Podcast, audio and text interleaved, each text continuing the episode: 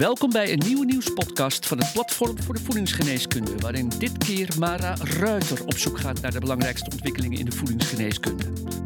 Deze podcast is opgenomen tijdens ons congres Voeding voor het Brein. Daar ging Mara in gesprek met Leo Bruinboom over hersenontsteking, bruin vet en dag- en nachtritme. Ehm, hallo luisteraars, Ehm, welkom bij eh, een eh, nieuwe wekelijkse nieuwspodcast van voedingsgeneeskunde. Eh, een andere stem dan jullie gewend zijn, want vandaag heb ik de rol van Yvonne Papot overgenomen. Mijn naam is Mara Ruiter. Ik ben redacteur bij eh Voedingsgeneeskunde. En dit is sowieso wel een speciale aflevering, want we zijn momenteel op het eh Voedingsgeneeskunde Congres. Dat is nu in volle gang. En tegenover mij zit een van de sprekers. Ehm, die heeft zojuist een presentatie gehouden, Dr. Leo Bruinboom. Welkom. Hi. Ehm, voor de luisteraars die u niet kennen, ehm, zou u zich kort willen voorstellen? Nou, ik ben dokter Leo Bruinboom. Ik ben eh, van huis uit, eh, was ik eerst fysiotherapeut en toen medisch fysio fysioloog en biochemicus. Ik ben later gepromoveerd in de klinische psychoneurologie, eh, waar ik ook de grondlegger van ben wereldwijd. Samen met het concept van intermittent living. En we zijn nu met het Bruinboom Institute en 16 partners in 16 verschillende landen aanwezig.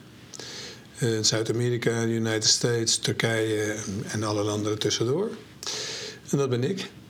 Leuk. Ehm, uw presentatie eh, ging over neuroinflammatie. Ehm, en dat waren nogal wat slides, dus ik, pro- ik probeer hem eh, kort samen te vatten. Het ging met name over twee soorten inflammatie. Ehm, eentje die Goeie en slechte. een goede en een slechte. Kunt u daar wat over vertellen? Wat is het Tuurlijk. verschil? Ehm, Weet je, weet je wat het Wat is goed? Ik denk dat het interessant is om eh, het volgende daarvan te begrijpen. Als, als kleine kindertjes, die, eh, die ontwikkelen hun zelfwaarnemingscapaciteit. Eh, en het is bij mensen een stuk later als bijvoorbeeld bij chimpansees. Chimpansees die weten na drie maanden al dat ze, zij- dat ze zij zelf zijn. En wij doen er jaren over. Nou, die, die zelfwaarneming, eh, dus van het sensorenmotorische cortex, van je lichaam. zelfwaarneming van je eigen emoties. Zelfwaarneming van je eigen gedachten. Zelfwaarneming van je eigen huid en pijn, hè, dat het van jezelf is. Dat loopt parallel aan de ontwikkeling van eh, het verworven immuunsysteem. Dus het verworven immuunsysteem die moet ook een verschil maken tussen zelf en non-zelf. En dat moeten we cognitief ook kunnen.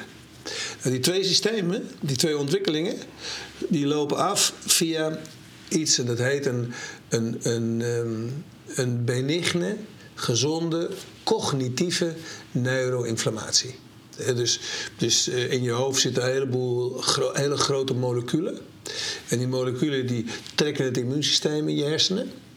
Die gaan met elkaar communiceren. Daar krijg je een ontsteking van. Maar die ontsteking eindigt, en dat is het mooie ervan, met een ontwikkeling van een celsoort die later verantwoordelijk is voor het onderscheid maken tussen jezelf en iets anders. Waardoor je dan eigenlijk beschermd bent tegen auto-immuunziekten, maar ook beschermd bent tegen kanker. Dus als die, als die, die cognitieve ontstekingsreactie niet optimaal verloopt, hoe zie je dat terug in de cognitie? En dan zie je dat mensen heel laat ehm, herinneringen gaan ontwikkelen, heel laat hun concentratie gaan, eh, gaan verbeteren. En dat, en dat is dus voor hetzelfde geld voor het verworven immuunsysteem. En, en, dan kijk je naar het einde van het leven en wat zie je ontstaan? Weer neuroinflammatie, die nu pathologisch is. Eh, dus de slechte. ja, het Ja. geheugen verdwijnt. Ja.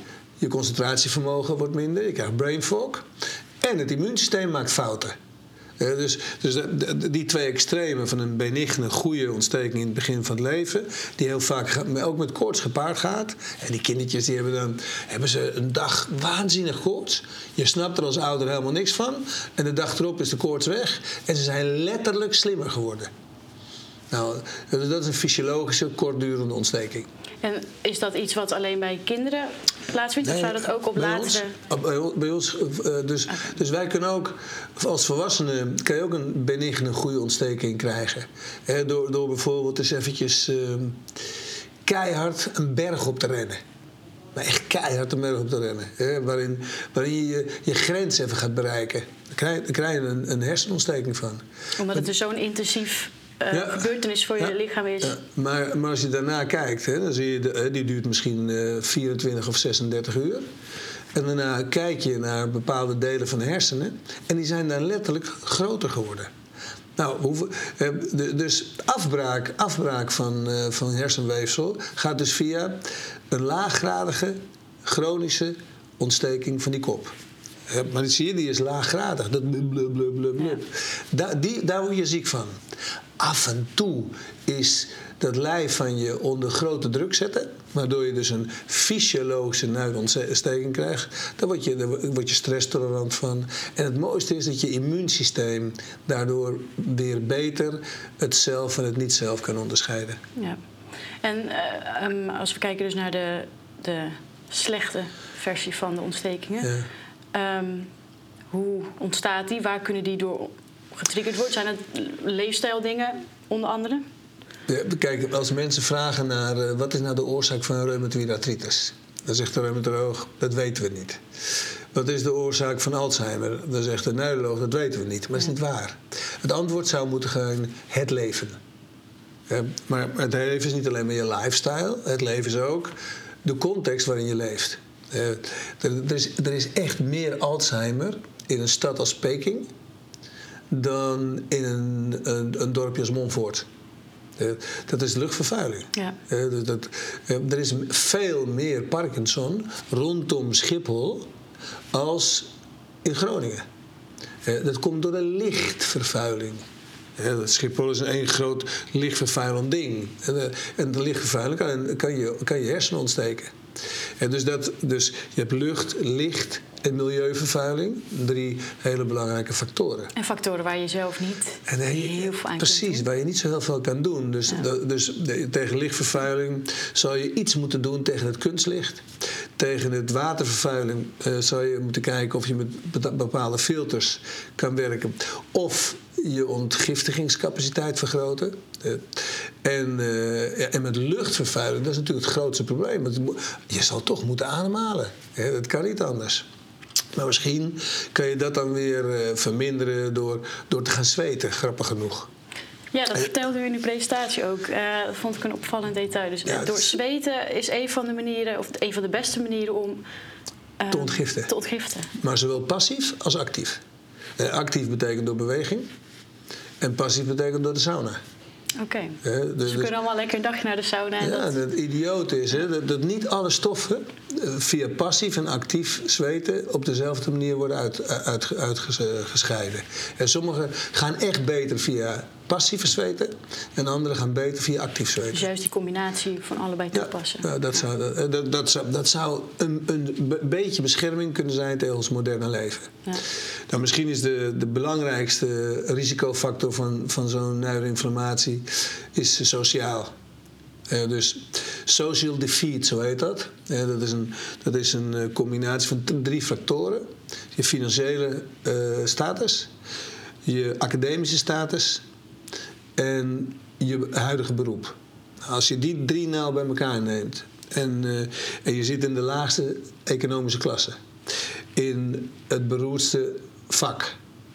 En eh, ook nog eens dat je, nou, je, je hebt de lagere school afgemaakt, maar je kon verder niet studeren. Als je die drie dingen bij elkaar doet en dan kijkt naar 1% van de Nederlandse bevolking bijvoorbeeld die daar eh, last van heeft. En vergelijkt met juist die andere 1%, eh, met de rijkste mensen, met de hoogste academische eh, ontwikkeling en, de, en een beroep eh, waar ze ook een reputatie hebben, is het, is het verschil in levensverwachting 14,18 jaar. Dat is waanzinnig. Dat is waanzinnig. Dat is waanzinnig. En eigenlijk makkelijk oplosbaar. Want, want eh, als je alles een beetje eerlijk zou, eerlijk zou verdelen, ben je al één risicofactor kwijt. Eh, en die sociale defeat factor, we weten heel goed wat het doet. Dat, dat geeft ontsteking van de prefrontale cortex, hè, van voor, voor, voor de kant. En je ziet ook eh, welke stofjes dat doen. We zouden het ook stofjesmatig kunnen verminderen. Want so- sommige, sommige mensen die hebben gewoon geen, kans. Die zeggen, die zeggen, ja, ik wil het wel veranderen, maar ik heb drie kinderen en ik zal ik zal me gewoon eh, daar moeten werken. Nou, die mensen, als je dan het werkingsmechanisme kent, kan je misschien met het geven van, eh, van jodiumpillen De, regering die, stuurt jodiumpillen naar uh, huizen die dicht bij een kerncentrale zijn. Nou, die jodiumpillen die zeggen die moet je alleen maar nemen als er een kernuitbarsting is. Eigenlijk zouden die jodiumpillen misschien wel aan de hele Nederlandse bevolking moeten geven. Om ervoor te zorgen dat je hersenontsteking daarvan minder wordt. En zo moeilijk is dat niet. En we hebben dat een keer uitgerekend. Kost uh, 10 euro per persoon. En uh, nou, maal 17 miljoen, ja. hè, dan kom je op 170 miljoen uit. Maal 12 kom je, kom je dus uit op, op 2 miljard. En je spaart ongeveer 30 miljard aan ziektekosten. Ja. Kopie. Ja. Ja, absoluut. Kopie. En, en, alleen maar gebaseerd op het feit dat je weet hoe het werkt. Ja. Want als je niet weet hoe het werkt, heb je ook geen interventiemogelijkheid. En, en dit zijn um, heel um, grootse oplossingen. Mm -hmm. um, als we het tot slot kunnen hebben nog over wat kan iemand zelf doen om het klein te houden? Eigen lifestyle? Zijn daar. Uh... Ik denk dat de, de makkelijkste en de beste manier is en dat hebben we nu ook goed onderzocht, is zet je klok gelijk. Uh, en dat betekent letterlijk. We hebben, een, we hebben een bioritme, die is zonafhankelijk. En we hebben een waak-slaapritme, en dat is afhankelijk van wat wij doen. Als die twee fases uit elkaar zijn, dan word je sowieso ziek. Maak je geen zorgen, want het uit elkaar trekken ervan betekent dat de metabolieten die in je hersenen zitten, s'nachts niet ontgiftigd worden. Dus we kunnen wel uh, van allerlei dingen gaan doen, maar zorg er nou in ieder geval voor dat wat er binnengekomen is, er ook weer uitgaat. Nou, hoe kan je dat doen? Door die twee dingen gelijk te zetten. Dat is heel simpel. Doe het gewoon zo. In de zomer duurt de dag 14 uur en de nacht 8 uur. Sta op met de zon. Ga even lekker naar buiten. Kijk in de zon. Laat de zon je wakker maken. Eet en drink daar je eerste maaltijd. En het mag een hele grote maaltijd zijn. Not, not a single problem. Dan, dat was om 7 uur s morgens. Dan ga je om 11 uur naar bed. Oké? Okay? Kan je niet om 11 uur de laatste maaltijd hebben. Dan zorg je, 7 uur op de kop, doe je er 14 uur bij, 13 uur, 8 uur s'avonds of 7 uur als je dat wil, dat mag ook. Tweede maaltijd, tweede keer drinken. Wat doe je? Dus overdag drink en eten. En eet je niks. Nee, dry fasting heet dat. Ja. Wat ben je aan het doen? Je bent je slaap-waakritme precies in fase aan het brengen met het bioritme. Dan gebeurt er iets unieks. Dan gebeurt er echt iets unieks. Dan gaat het bruine vetweefsel wat je hebt, gaat actief worden.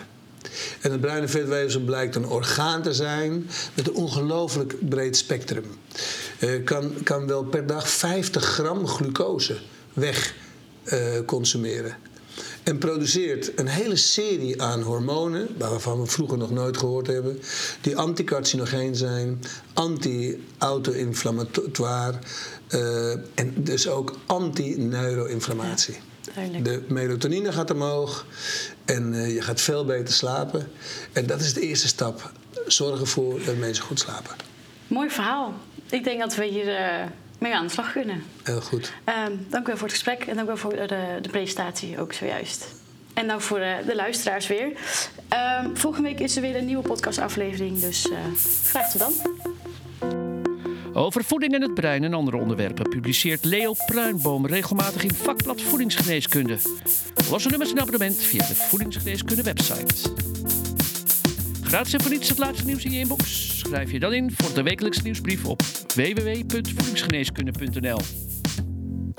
Interview Para Ruiter, redactie en productie voor de Papot Techniek Sjoerd Kaandorp. Voedingsgeneeskunde is een project van uitgeverij Media Medica.